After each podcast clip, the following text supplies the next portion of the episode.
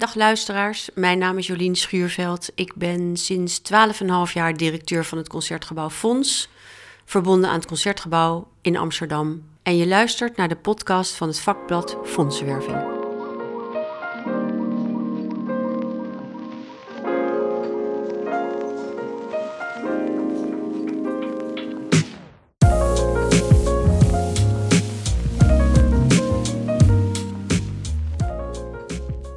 Leuk dat je luistert naar deze nieuwste aflevering van de podcast van Vakblad Fondsenwerving.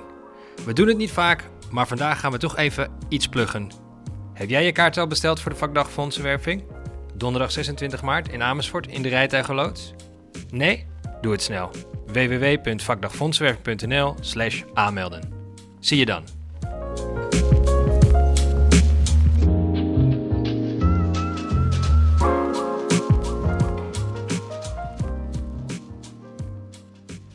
Is In Gesprek. Mijn naam is Petra Hoogwerf. Het Concertgebouw is sinds 1888 een particuliere zaak. Eerder opgericht door zes rijke Amsterdammers die het muziekleven wilden versterken. Het Concertgebouw werd gebouwd en bood ruimte aan 2000 bezoekers. Al snelst ontstond ook het Concertgebouw Orkest. Daarna kwamen vele andere activiteiten op het gebied van cultuureducatie, wereldmuziek en crossovers in de muziek. We zitten vandaag naast Jolien Scheurveld, schrijver, en zij is directeur van het Concertgebouw Fonds. Ja, Fijn dat we hier mogen zijn. nou, van harte welkom. We zitten hier in een eh, eigenlijk een piepklein kantoortje. Ja, dank je. En ik Ja, was getriggerd door, door de foto die hier naast me zit. Ja, Want er staan twee dames op. ja. Kan je daar iets over zeggen? Die foto is van Cor van Willen, waar ik een grote fan van ben. Eh, een van de fotografen die wordt beheerd door het Maria Austria Instituut in Amsterdam. Ehm, dit is een foto uit de jaren 60. En ik viel enorm op die foto. En dat is jammer dat de luisteraars dat niet kunnen zien. Maar je ziet dus twee dames op de rug. En zij staan op de zogenaamde dirigententrap. Dat is de trap, ik meen dat die 32 treden heeft waar de dirigent s'avonds op en af eh, gaat. Het is een soort van he- heilige plek in dit gebouw.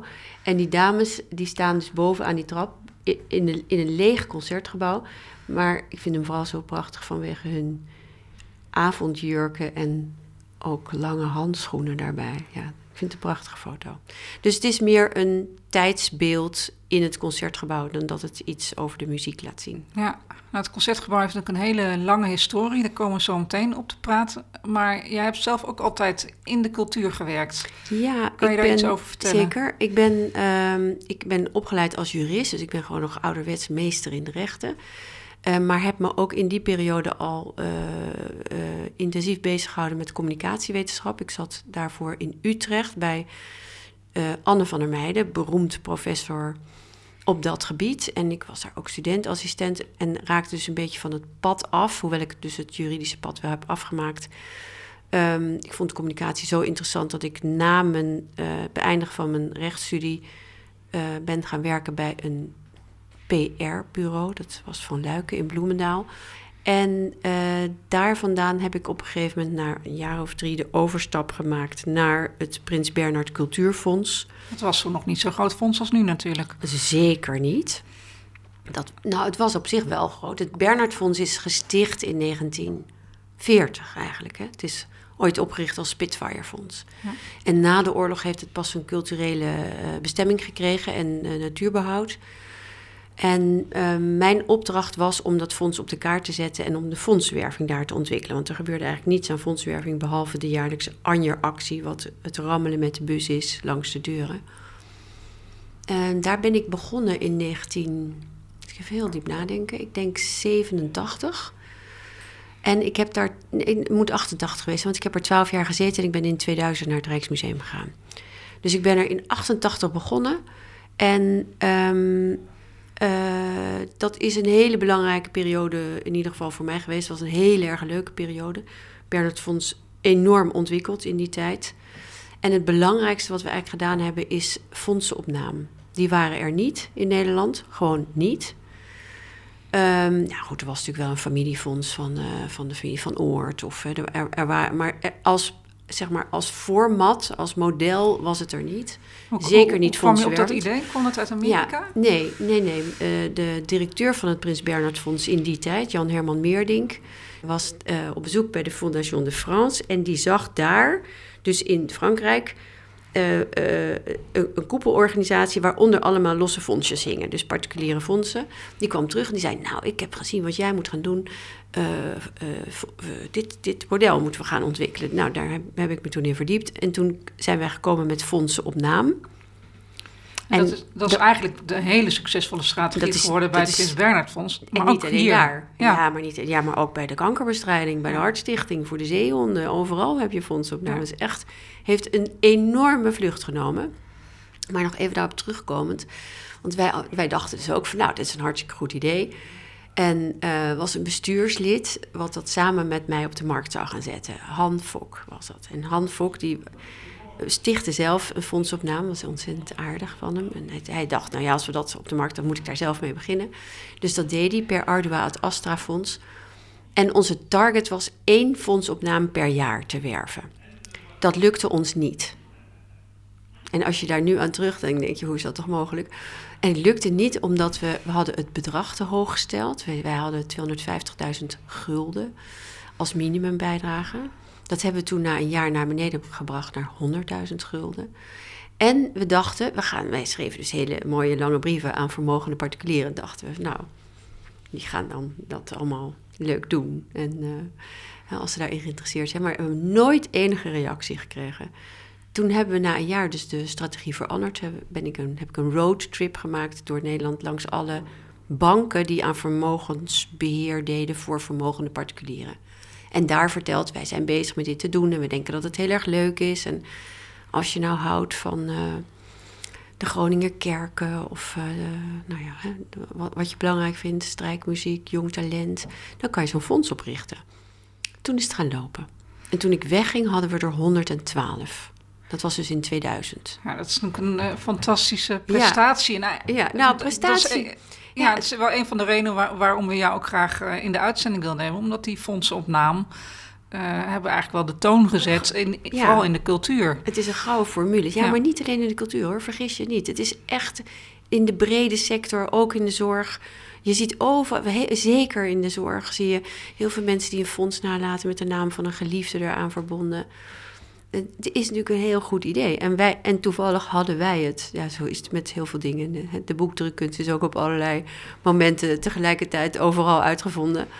Ehm, maar goed, wij, wij hebben het in de markt gezet. En ik weet nog dat ik ervoor naar, naar Theo Bremer ging, een advocaat gespecialiseerd in intellectueel eigendom. Om, wij, wi- wij, wi- wi- wilden het eigenlijk ook munten. Hè. Ik dacht, nou, dit is zo'n goed, goed idee. Maar dat kon niet. We konden die, de combinatie van fonds op naam, die drie woorden, was te algemeen om het aan het Bernhard Fonds alleen te kunnen hangen. Ja, dus je, je kon niet het auteursrecht Nee, claimen van nee, het, nee. of er een merk van Nee, maken. het enige wat wel kon, dat hebben we toen ook wel vastgelegd, is dat als iemand het oneigenlijk gebruikt, dus te kwadertrouw, dan zouden wij ons ertegen kunnen verzetten. Want dan schaadt het natuurlijk de reputatie van.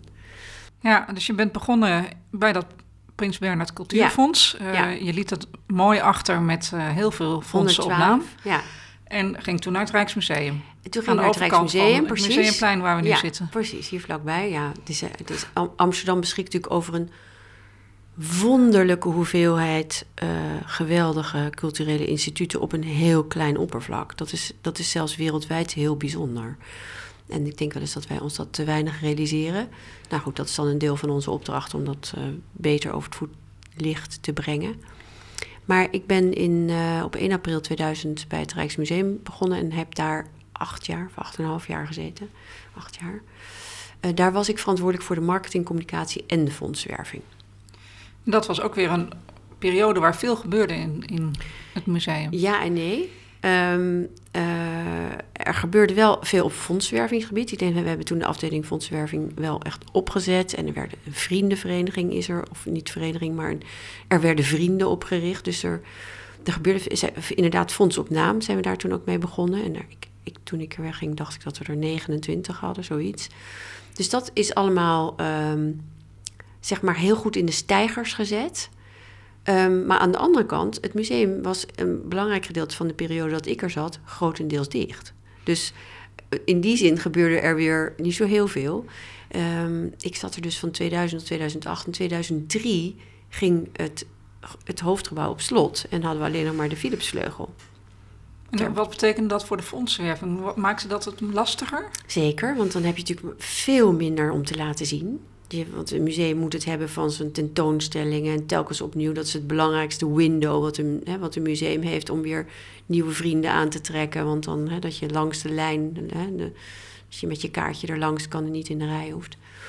Ehm, en je wil natuurlijk ook voor al die verschillende aspecten van het museum, of het nou uh, munten, muziekinstrumenten, 17e-eeuwse schilderijen, hedendaagse kunst.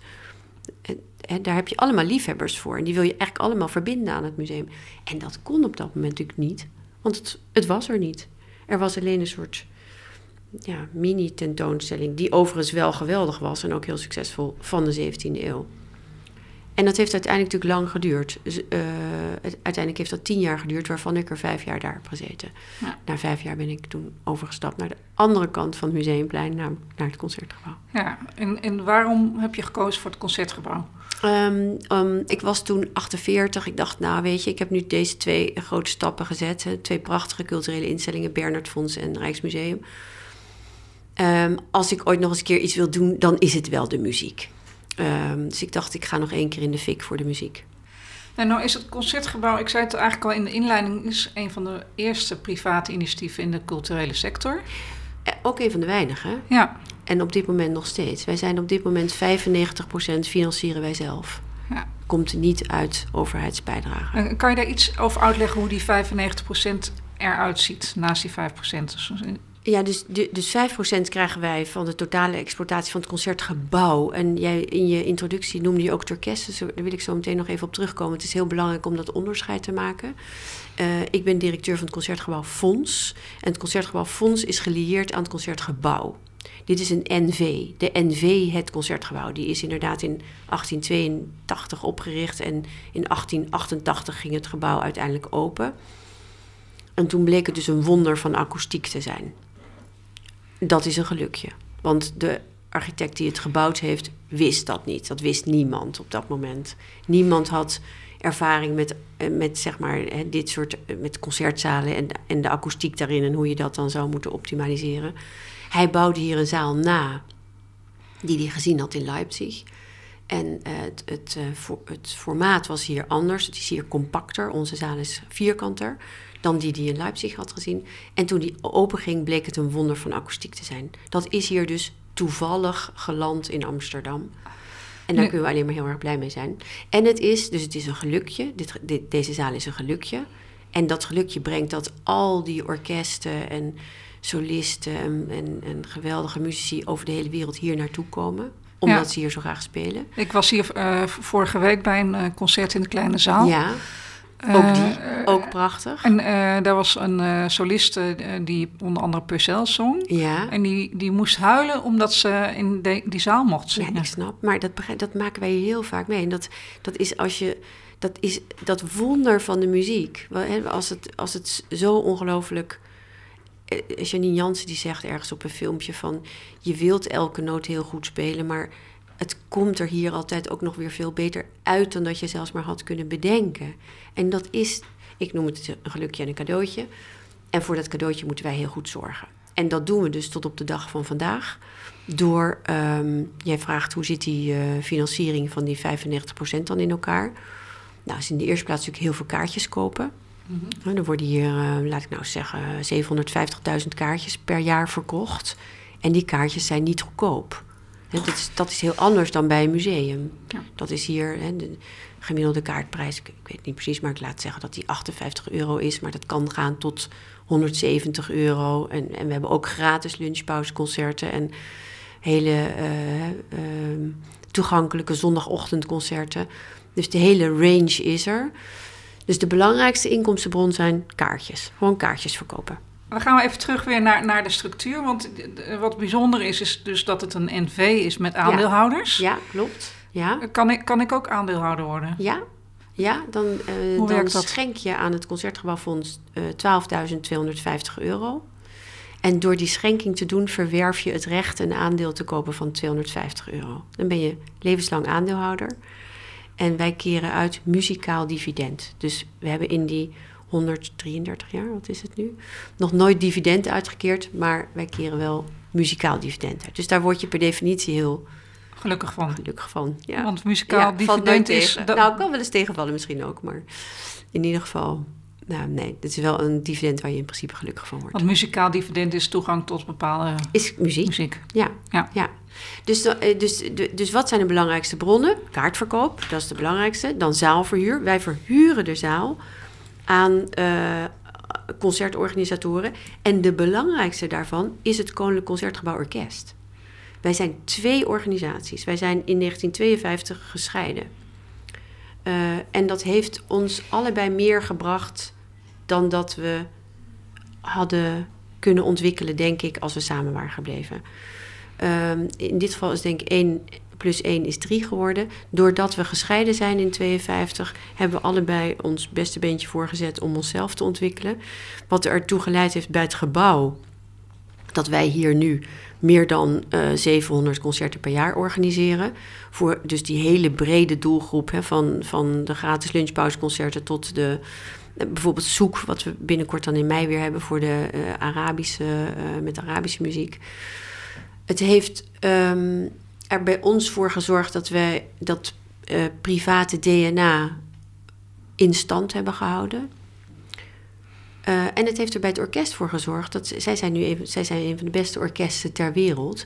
Dat ze niet alleen hier veel optreden, maar ook olo, hè, over de hele wereld. Ja. Dus het heeft hen denk ik ook veel meer de eh, Vleugels gegeven. vleugels gegeven, ja, het raam naar buiten gegeven. En dus hebben jullie natuurlijk de mogelijkheid eh, geboden om breder te programmeren. Veel breder. Ja, wij, zijn, wij, wij doen jazz, eh, pop, eh, niet-westers, kinder, heel veel klassiek. Maar ook de Wiener, de Berliner, niet alleen het KCO. En het is juist goed om ook al die andere orkesten te horen. Want daardoor hoor je het beter. Hoe meer je hoort, hoe beter je het hoort. Dus het heeft ons heel veel gebracht, die splitsing, ja, die scheiding. Nou goed, dus je hebt kaart, kaartverkoop, zaalverhuur, dan sponsoring is belangrijk, dus bedrijfsleven, corporate. Daar, daar richt dit fonds zich niet op, niet, ik. helemaal niet. Ik doe daar, eh, ik doe daar zelf niets eh, aan. Waar, waarom is dat niet ondergebracht bij Ja, het fonds? Dat, omdat, eh, ja, ik was er in het begin wel verantwoordelijk voor, maar het hoort echt bij de NV. Het heeft te maken met dat er een BTW-aspect aan zit, dat er dus een aspect aan zit van eh, reciprociteit. Hè. Ik geef iets om iets terug te krijgen. En dat is toch iets heel anders dan eh, wat er binnen dat fonds gebeurt. Binnen het fonds is muziekliefhebbers die geven aan het concertgebouw omdat ze het belangrijk vinden dat het concertgebouw in stand te houden. En daar in principe niks voor terug verwachten. Natuurlijk geven we ze heel graag iets terug, omdat ik het belangrijk vind om iedereen zo hecht mogelijk aan ons te verbinden. En wij zijn ook toevallig een organisatie die dat makkelijk kan. Het is natuurlijk ontzettend leuk om, eh, eh, om concerten bij te wonen. Dat wij, eh, ons product is nou toevallig een product wat zich ervoor leent om ook iets terug te geven. Maar Nee. het is iets heel anders dan op accountability leest geschoeide sponsoring. Maar het zou wel zo kunnen zijn dat een directeur van een bedrijf dat sponsort ook mogelijk tot een van de kringen Gebeurt. of- Dat komt voor. Ja, komt zeker voor. Ja. De, want we proberen de luisteraars inderdaad mee te nemen in, in, in de verschillende financieringsbronnen. Ja. En, eh, dat aandeelhouderschap. Dat hoort dus bij het fondsenwerving. Want dan heb, doe je eerst die schenking en daarna verwerf je het aandeel.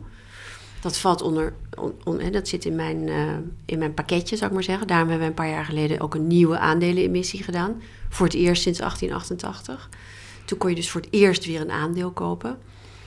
En dat heeft ons uiteindelijk heel veel nieuwe aandeelhouders opgeleverd. Meer dan 700. Die dus allemaal die schenking deden. Een belangrijke... eh, het is eigenlijk de start ge- geweest van ons endowment. Wij bouwen aan een endowment om het concertgebouw uiteindelijk een veilige toekomst te geven. En uh, dat hebben we met die emissie kunnen doen. Daar hebben we toen 9 miljoen uh, bij ingebracht. En dat is ondergebracht in het endowment. Nou, dat is natuurlijk een indrukwekkend uh, ja, bedrag. Voor, ja, ja, en, ja. Wat, wat is een endowment? Want ik denk... Endowment is een stamvermogen wat je in principe in stand houdt. Het vermogen houd je in stand en alleen de opbrengsten gebruik je om je doelstelling te realiseren. En, en mag dat van het CBF? Zeker aangezien je uh, die doelstelling eraan verbonden hebt. En onze schenkers op hun schenkformulier dat ook aangeven. Dus als wij een, een, een, een donateur die bij ons aandeelhouder wordt of, of, kringlid wordt, geeft op zijn schenkformulier aan waarvoor de donatie bestemd is. Is dat voor educatie, is dat voor renovatie of is het voor het endowment? Of soms voor programmering, kan ook. Jullie hebben ongeveer zo'n 2,5 miljoen uit particuliere uh, gelden en daarnaast ja. ook nog gelden van de Bank Giro Loterij. Ja. Dat zijn de grootste bronnen en die gaan we nu Ja. even een beetje ontrafelen. Ja, Laten we beginnen met die particuliere gelden. Je begon er eigenlijk al over, hè? dat zijn dus aandeelhouders, die noemde je al, eh, die ons ondersteunen middels een schenking.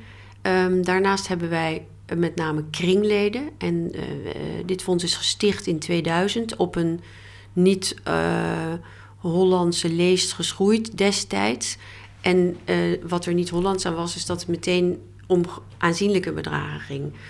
Eh, er is namelijk ook nog een vereniging Vrienden van Gebouw en Orkest. Die is al heel erg lang, al meer dan 80 jaar. En daar, kan, eh, da- daar, daar ben je lid van, van die vereniging voor 35 euro. Het Concertgebouwfonds, het bestuur destijds, dus dat is ver voor mijn tijd, besloot om uitsluitend te vragen om substantiële bedragen. Dus ehm, bij ons, de, het kringlidmaatschap is 25.000, 50.000, 100.000 of een miljoen euro. En ook gekoppeld aan namen van eh, componisten. Nee, eh, niet altijd. Ja, dat is waar. En Ja. Brahms en Bach hebben we ook. eh Bach, Mahler. Maar de onderste is Dolf van Gent. Ja, Dat dacht is de architect. Ah, Vandaar, ja. Nee, dus, ik, dus het is niet alleen... eh, en het is ook niet zo, want dat, dat misverstand eh, bestaat er wel eens... dat als je lid van de Brahms-kring bent... dat je dan alleen maar naar muziek van Brahms gaat... of heel veel van Brahms moet houden, of bij Mahler. Dat het, heeft, het, het had ook goud, eh, zilver, platinum kunnen heten... maar wij vonden ik vind dit origineel. Tuurlijk, nou ja, Ja. het past bij ons. Het is Ja. intrinsiek aan ons verbonden. Ja. En, en, het, dan heb je de 1 miljoen, dat is dan van Bach. Bach, Ja. Is het dan zo dat je ook een soort kunt opklimmen tussen die kringen? Dus dat je besluit bijvoorbeeld, nou ik begin met, met het Dolf van Ja. Gent Fonds en dan steeds meer Dat verbonden wordt. Heel en dan, veel, ja. Hoe, Ja. hoe werkt dat? Hoe, hoe, hoe, hoe, eh, nou, naar, iedereen doet de schenking in vijf jaar. dat? En na vijf jaar, eh, eh, of eigenlijk na vier jaar, kom ik bij iedereen langs en dan vraag ik hoe, hè, hoe gaat het, hoe vind je het? En, wat vind je van het kringlidmaatschap en kan het beter? En daar leer ik ook altijd van. Maar dan komt natuurlijk ook de vraag, ga je met ons door? En dat is op dit moment eh 73% van de kringleden blijft bij ons. Dus die, en dan wordt het als het ware gedrag. Dan is het, dan is het een keuze, hè, niet alleen voor het lopende kringlidmaatschap, maar dan gaat het bij je horen. Dan, ja, dan steun je dus dan, dan steun je het concertgebouw en denk je, dit is belangrijk, dit is wat wij doen. Ik heb heel lang geleden, toen ik ooit met fondswerving begon, dus bij het Bernhard Fonds, eh, een onderzoek gedaan. Ehm, en dat ging over de motieven van het gedrag en de motieven van donateurs. En uit dat onderzoek heb ik geleerd dat je, dat je mensen kan opdelen in twee soorten: mensen die schenken en mensen die niet schenken. En ik geloof nog steeds dat dat bottom line is dat natuurlijk het grote verschil. Mensen Ja. die de dispositie hebben om dat te doen en mensen die dat niet hebben. En de mensen die schenken, schenken statistisch gezien aan zes organisaties, die dan ook nog vaak met elkaar een zekere connectie hebben. Dus bijvoorbeeld voor de cultuur is het. hè, je kan je je voorstellen als je aan het concertgebouw schenkt, dan schenk je misschien ook aan het concertgebouw orkest. En misschien ook aan de vereniging Rembrandt of aan eh Stadsherstel. Of cultuur is, is dan cultuur. En dan, en dan ook nog vaak Noord-Hollands landschap, natuurmonumenten. erfgoed, ja. Cultuur en natuur zijn related. een andere categorie schenkers doet bijvoorbeeld Artsen zonder Grenzen, SOS Kinder, uh, kinder, uh, Kinderdorpen uh, of het Rode Kruis. Die zitten en die doen Afrika of noodhulp. Zo, zo is het vaak opgedeeld. En de, ik heb zelf in mijn boek ook geschreven over de geefmotieven. Ja. Um, daar verschil ik nog wel eens van mening van het geefonderzoek omdat ik toch ook heel erg denk dat mensen geven vanuit een hart. En dat kan ook onrecht zijn of, of, of liefde. Ja. Of, of wat, wat ja. is. Weet je, het mooie is dat jullie al die mensen dus persoonlijk spreken. Ja. Wat, is het belangrijkste geefmotief om tot zo'n kring te willen behoren? De muziek. Ja, de liefde voor de muziek. De liefde voor de muziek. En vooral ook de liefde voor de muziek, maar vooral wat muziek je brengt in het leven. En dat je dat wil doorgeven. En, en daar geloof ik zelf ook heel erg in. Dat muziek je een, een, verdieping, een verdieping in het leven brengt, een rijkdom kan toevoegen aan het leven. Je verbindt met anderen, maar vooral ook heel erg met jezelf. Maar ook met anderen, met wie je samen luistert en met wie je die muziek deelt. Met je herinneringen. Ja, muziek, heeft een, mu- muziek is een voertuig dat je naar allerlei herinneringen eh, kan brengen en naar jezelf. En gaan, eh, want de, eh, jullie hebben echt een hele persoonlijke benadering. Gaan die gesprekken met de mensen die, ge- die bijdragen, zou ik willen zeggen, daar ook over? Ja, Dus dat is de, de, de. Je zei ook net, ik leer heel veel van die gesprekken. Ehm, Eh, nou wat- ja, ik leer van die gesprekken Wa- wat, wa- wij wat beter je kunnen dan? doen. Dus ik leer natuurlijk vooral van die gesprekken als directeur van dit fonds hoe we onze dienstverlening nog verder kunnen verbeteren, waar we ons, nou ja, waar we onszelf kunnen verbeteren. Ehm, dat leer ik er met name van. Ik leer natuurlijk zeker ook wel over de muziek, maar d- die gesprekken voer ik vooral om te kijken waar, hoe, hoe kan ik beter aansluiten nog, of hoe kunnen we beter aansluiten op, op de wensen van de begunstiger. Ja. En het, de, eh, hoe werven jullie die begunstigers? Want ik zag dat er ook een soort ambassadeurschap is van notarissen. Ja, Eh, Helpen die daarin mee? nee, die werven eigenlijk niet. Het, de werving van, het, ehm, eh, van de kringleden gebeurt uitsluitend op, als olievlek. Dus kringleden werven kringleden. Mijn bestuursleden of bestuursleden van het Concertgebouwfonds werven kringleden. Ik werf kringleden. En we, we adverteren nergens, we staan nergens met een boekje. Het staat niet in een advertentie. Eh, dat, dat is nu... ja, dat is, dat, dat doen we, zo doen we het nu al twaalf jaar en dat werkt heel goed. Ik heb de indruk dat jullie dat, dat eh, aan de kringleden zelf overlaten. Dat jullie niet allemaal trainingen gaan geven hoe ze dat moeten doen. Nee, nee, nee. nee. Maar grappig genoeg, het, het hoeft ook helemaal niet. Want als je het leuk vindt om, om, eh, om hierbij te horen, zeg maar... Hè, om, op die schou om op de schouders te gaan staan van die zes mannen... die in 1882 dit initiatief hebben genomen... dan gaat het eigenlijk vanzelf. Ja. Het is in die zin een hele makkelijke baan. Ja, nou ja, het is natuurlijk ook, vanzelf. ook een aanmerk, zou ik maar zeggen. Ja, daarom. Dat maakt de Ja. baan makkelijk. Ja, maar wat maakt het maan moeilijk? Er zullen ongetwijfeld dingen zijn waar je ook tegenaan loopt. Jeetje. Het is heel precies, heel erg veel maatwerk. Alles is maatwerk. Dat, maar goed, dat is op zich, maakt het op zich niet moeilijk. Dat is wat het is. Ehm, Ik, ik kan mezelf voorstellen namelijk dat je... eh, het- is zo'n kring die zo eh, vanuit het hart geeft ook. ja, eh, en die ook wel gekoesterd. Die je moet koesteren als Ja, organisatie. ja, dat doen we. En dat is misschien het maatwerk wat je bedoelt. Ja, dat is maatwerk. Ja, ja, En dat hoe ik blijf je daar authentiek in? Ja, dat is een goeie. Nou, dat is een hele goeie. Want dat is denk ik de voorwaarde. Dat je totaal oprecht en authentiek daarin staat. En du moment dat ik bij mezelf zou voelen dat dat niet meer zo is, dan stop ik ermee. Dus dat is wel dat is een, heel, dat is een heel goed punt. Ja, ja. De fondsenopname. Ja. Die zijn ook hier gekomen. Je bent ermee begonnen Ja. bij het eh Prins Bernhard Cultuurfonds. Mhm. En dat, volgens mij ben je hier ook heel succesvol in die fondsopname. We hebben er nu twintig. Maar ook fondsopname van meerdere partijen. Ja, klopt. We hebben, eh, eh, we hebben, het merendeel is wel van één stichter, zeg maar. Eh, maar we hebben ook een aantal eh, fondsen voor popmuziek bijvoorbeeld. We dachten op een gegeven moment, er moet hier gewoon weer meer popmuziek klinken. Vroeger was alles op het gebied van pop in Amsterdam, kwam hier. Hè? Toen wa- was er geen Ziggo, er was geen... eh, dus er zijn zalen bijgekomen. Waar het, die zich beter lenen voor pop eigenlijk. Want wij zijn natuurlijk vooral een zaal voor onversterkte muziek.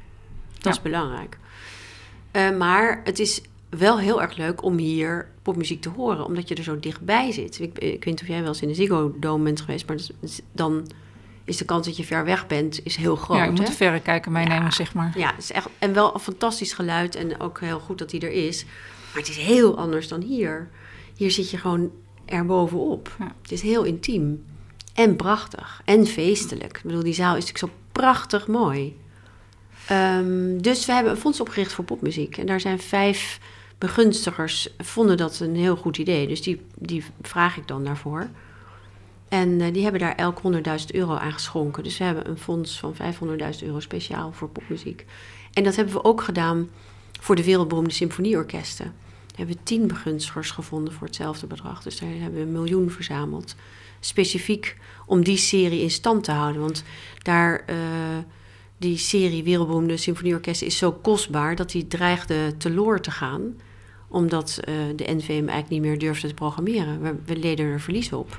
En nu hebben we in ieder geval een veiligheidsbuffer. Elke keer dat we zo'n, dat de Wiener komt, of de Berliner, of, de, of het orkest uit Dallas, dan ja. uh, hoeven wij ons geen zorgen te maken. En wat me opvalt is dat, dat de fondsopnamen ook door jullie bedacht worden. Ook, ja. Dus enerzijds worden ze bedacht door de mensen, door muziekliefhebbers buiten ons, zeg maar. Er meldt zich bij mij een mevrouw die zegt, ja, ik hou zo van de strijkkwartetten. Ik wil echt een fonds voor topmuzici in de kleine zaal. Nou, dat, hè, dat realiseren we. Dat is, dat is het ene, ene lijn, zeg maar. De, de, de meest voorkomende. Een fonds voor uh, compositieopdrachten, composer in residence. Allemaal komt uit de begunstiger zelf. Aan de hand van liefde die, hè, waar, ze, waar ze hun liefde naar uitgaat. En de andere is dat wij dingen zien hier waarvan we denken... nou, daar hebben we echt, echt dringend behoefte aan. En dat ik dan beoordeel of het iets is waarvan ik denk... nou, daar daar, daar, ik denk dat ik daar mensen voor enthousiast kan maken. En dan gaan wij op pad. Ja. Nou zijn er een hele hoop kleine culturele instellingen die, die worstelen met fondsenwerving. Wat kunnen ze van jou leren? Heb je, heb je één of twee tips? Ja, ja een goede vraag. En ik, uh, ik krijg heel vaak mensen langs ook hoor. Of het nou de Domkerk uit Utrecht of... Uh, die dan vragen, hoe kan ik je, hè, hoe moeten we doen? Het belangrijkste is, je moet het doen. Dat is, ik, dat is eigenlijk, ik, laat ik nou één tip geven, is gewoon doen. Je moet het doen. Dus niet te lang erover praten, ja. aan de gang. Ja. En, en leren, al, al gaande maak je het pad. En dat is ook prima. Dat is eigen ondernemerschap, toch? Hup, ja, dat is het. Want dat zei je ook aan het begin van het gesprek, dat je begon met die fondsen op naam, dat het eigenlijk niet werkte. En ja. toen het bent gaan aanpassen, ja. en toen, en ging, toen ging het, wel en werken. toen ging het, ja. Ja, ja, nou ja, dat is, vind ik zelf nog steeds echt zo'n ongelooflijk fantastisch verhaal hoe dat gelopen is. Als je nu Bernard Fonds, ik geloof dat ze nu nou 450 fondsen op naam, geloof ik, hè, nu bij het Bernard Fonds. Ja. Een kurk waarop ze drijven. Ja. En wat je ook dan nog ziet, is dat die fondsen op naam vaak een belangrijke tweede leven of impuls krijgen. Mensen stichten een fonds op naam. Zeker mensen zonder kinderen stichten een fonds op naam en laten er vervolgens ook nog aan na. Dus het krijgt vaak, ik noem het een tweetrapsraket, maar er, er komt vaak na 20, 30 jaar nog een enorm, enorme toevoeging in datzelfde fonds. Omdat mensen dat dan ook in Ja. hun testament zetten. En, ja, dan ja. hebben ze bij leven gezien hoe leuk het is en wat er voor goede dingen mee kunnen gebeuren. En dan denk ik, nou, dat is eigenlijk een heel goed idee om daar iets aan na te laten. Dat, dan, dat nalatenschappen, ehm, dat is in de, in de sector ook, eh, wordt het soms wel heel, in mijn ogen een beetje gewichtig gemaakt. Ja, eh, met allemaal technieken en dergelijke. Dan ben ik zelf niet zo van de fondswerving vanuit techniek, maar meer vanuit eh, betrokkenheid bij de impact die je beoogt en bij, bij het doel waar je voor werkt. ja. Hebben jullie daar ook een strategie voor of volgen jullie een beetje mijn visie? Nee, ik we hebben een hele erg strategie. Ik ben een paar jaar geleden in Amerika, zag ik eh, de zogenaamde legacy groups. eh, die zag ik voor het eerst bij de New York Library. Daar, hebben ze een, eh, daar zag ik dat ze een, gro- een groep hadden bestaande uit 900 eh, eh, mensen. Ja, die hebben aangegeven, ik zet de New York Library in mijn testament. Want ik vind het belangrijk. New York Library ook helemaal particulier gefund. Hè? Helemaal, Mensen kunnen daar lezen, lenen, boeken lenen. Allemaal betaald door de gemeenschap. En toen dacht ik, dat ga ik ook doen. Dus wij hebben hier een initiatief. Dat heet overigens de toegift.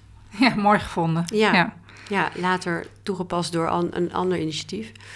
Ehm, maar ehm, als je, er zijn hier natuurlijk heel veel muziekliefhebbers die niet, niet nu iets willen schenken, maar wel denken: Nou, ik heb zo, ik heb 30 jaar genoten van die strijkkwartetten. Ik vind het heel erg leuk om dat in stand te houden. Ik zet 10.000 euro in mijn testament voor het concertgebouw om dat in stand te houden. Maar heb je daar, uh, weet ik wat, een speciale fondsen weer voor? Nee, doe ik zelf. Folders? Ja, uh, ja, we hebben er een dus- speciale dus- brochure voor. En op het moment dat iemand zich bij, bij mij meldt, eh, via de website of belt van nou, ik vind dat leuk, dan hebben we een gesprek en dan eh, vragen mensen van, oh, moet, moet ik u mijn testament laten zien? Zeg ik, nee, alsjeblieft, dat hoef, dat hoef ik nooit te zien. Ik hoef nooit uw testament te zien. Bovendien heeft het geen enkele zin, want je kan je testament elke dag veranderen. Ja.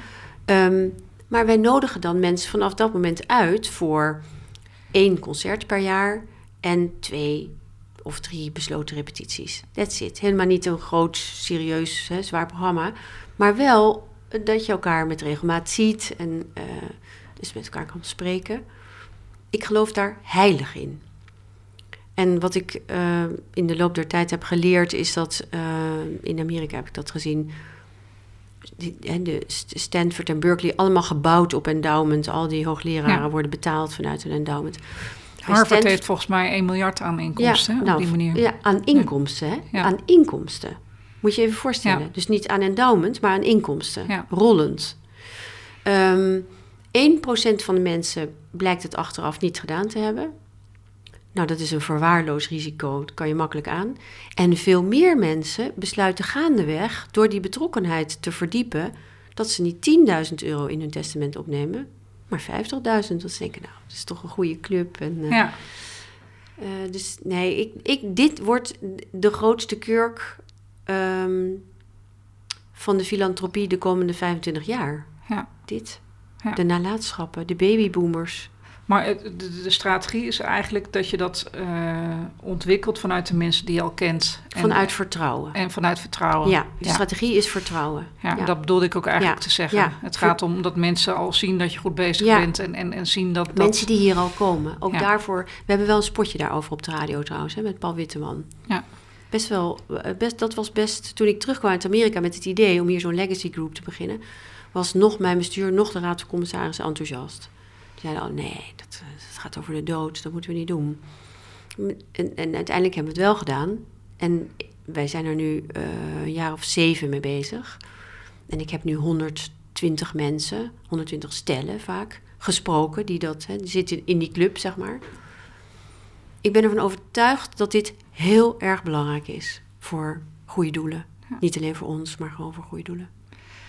Heb je nog nieuwe projecten Ehm, die je gaat familiefonds. aanpakken? Wij zijn, eh, we hebben een familiefondsformule eh ontwikkeld. Omdat ik denk dat het concertgebouw bij uitstek een plek is waar je elkaar graag ontmoet. En dat je vaak ziet dat families uiteenvallen. Op het moment dat de bindende persoon wegvalt, dan, eh, ja, hè, dan zie je elkaar niet meer. En dan is het wel erg leuk, kan leuk zijn en verbindend en zinvol om toch te zeggen, nou, eens per jaar zien we elkaar op de verjaardag van opa. En dan gaan we altijd naar het kerstconcert of altijd naar de Matthäus of naar een kinderconcert. En dan lunchen we daarna met elkaar, we eten met elkaar.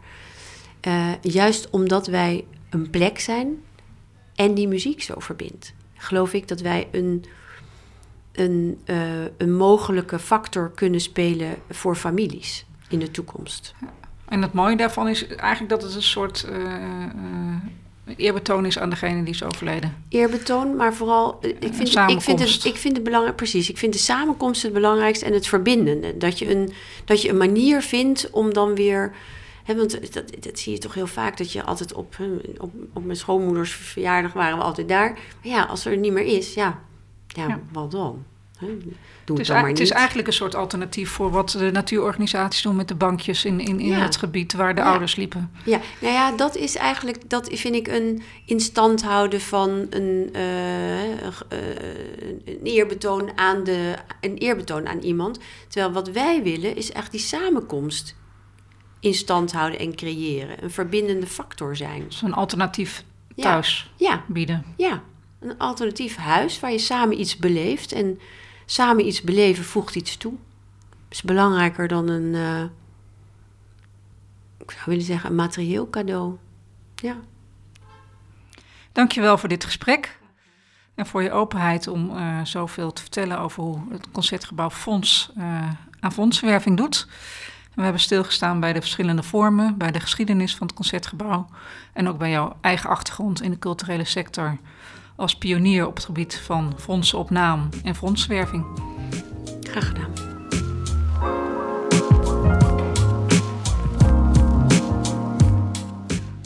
Leuk dat je luisterde naar deze aflevering van de podcast van Vakblad Fondswerving. Deze aflevering werd gemaakt in samenwerking met Verleda en geproduceerd door Marijn Thijs. Abonneer je via je favoriete podcast-app en je krijgt automatisch een bericht wanneer er een nieuwe aflevering verschijnt.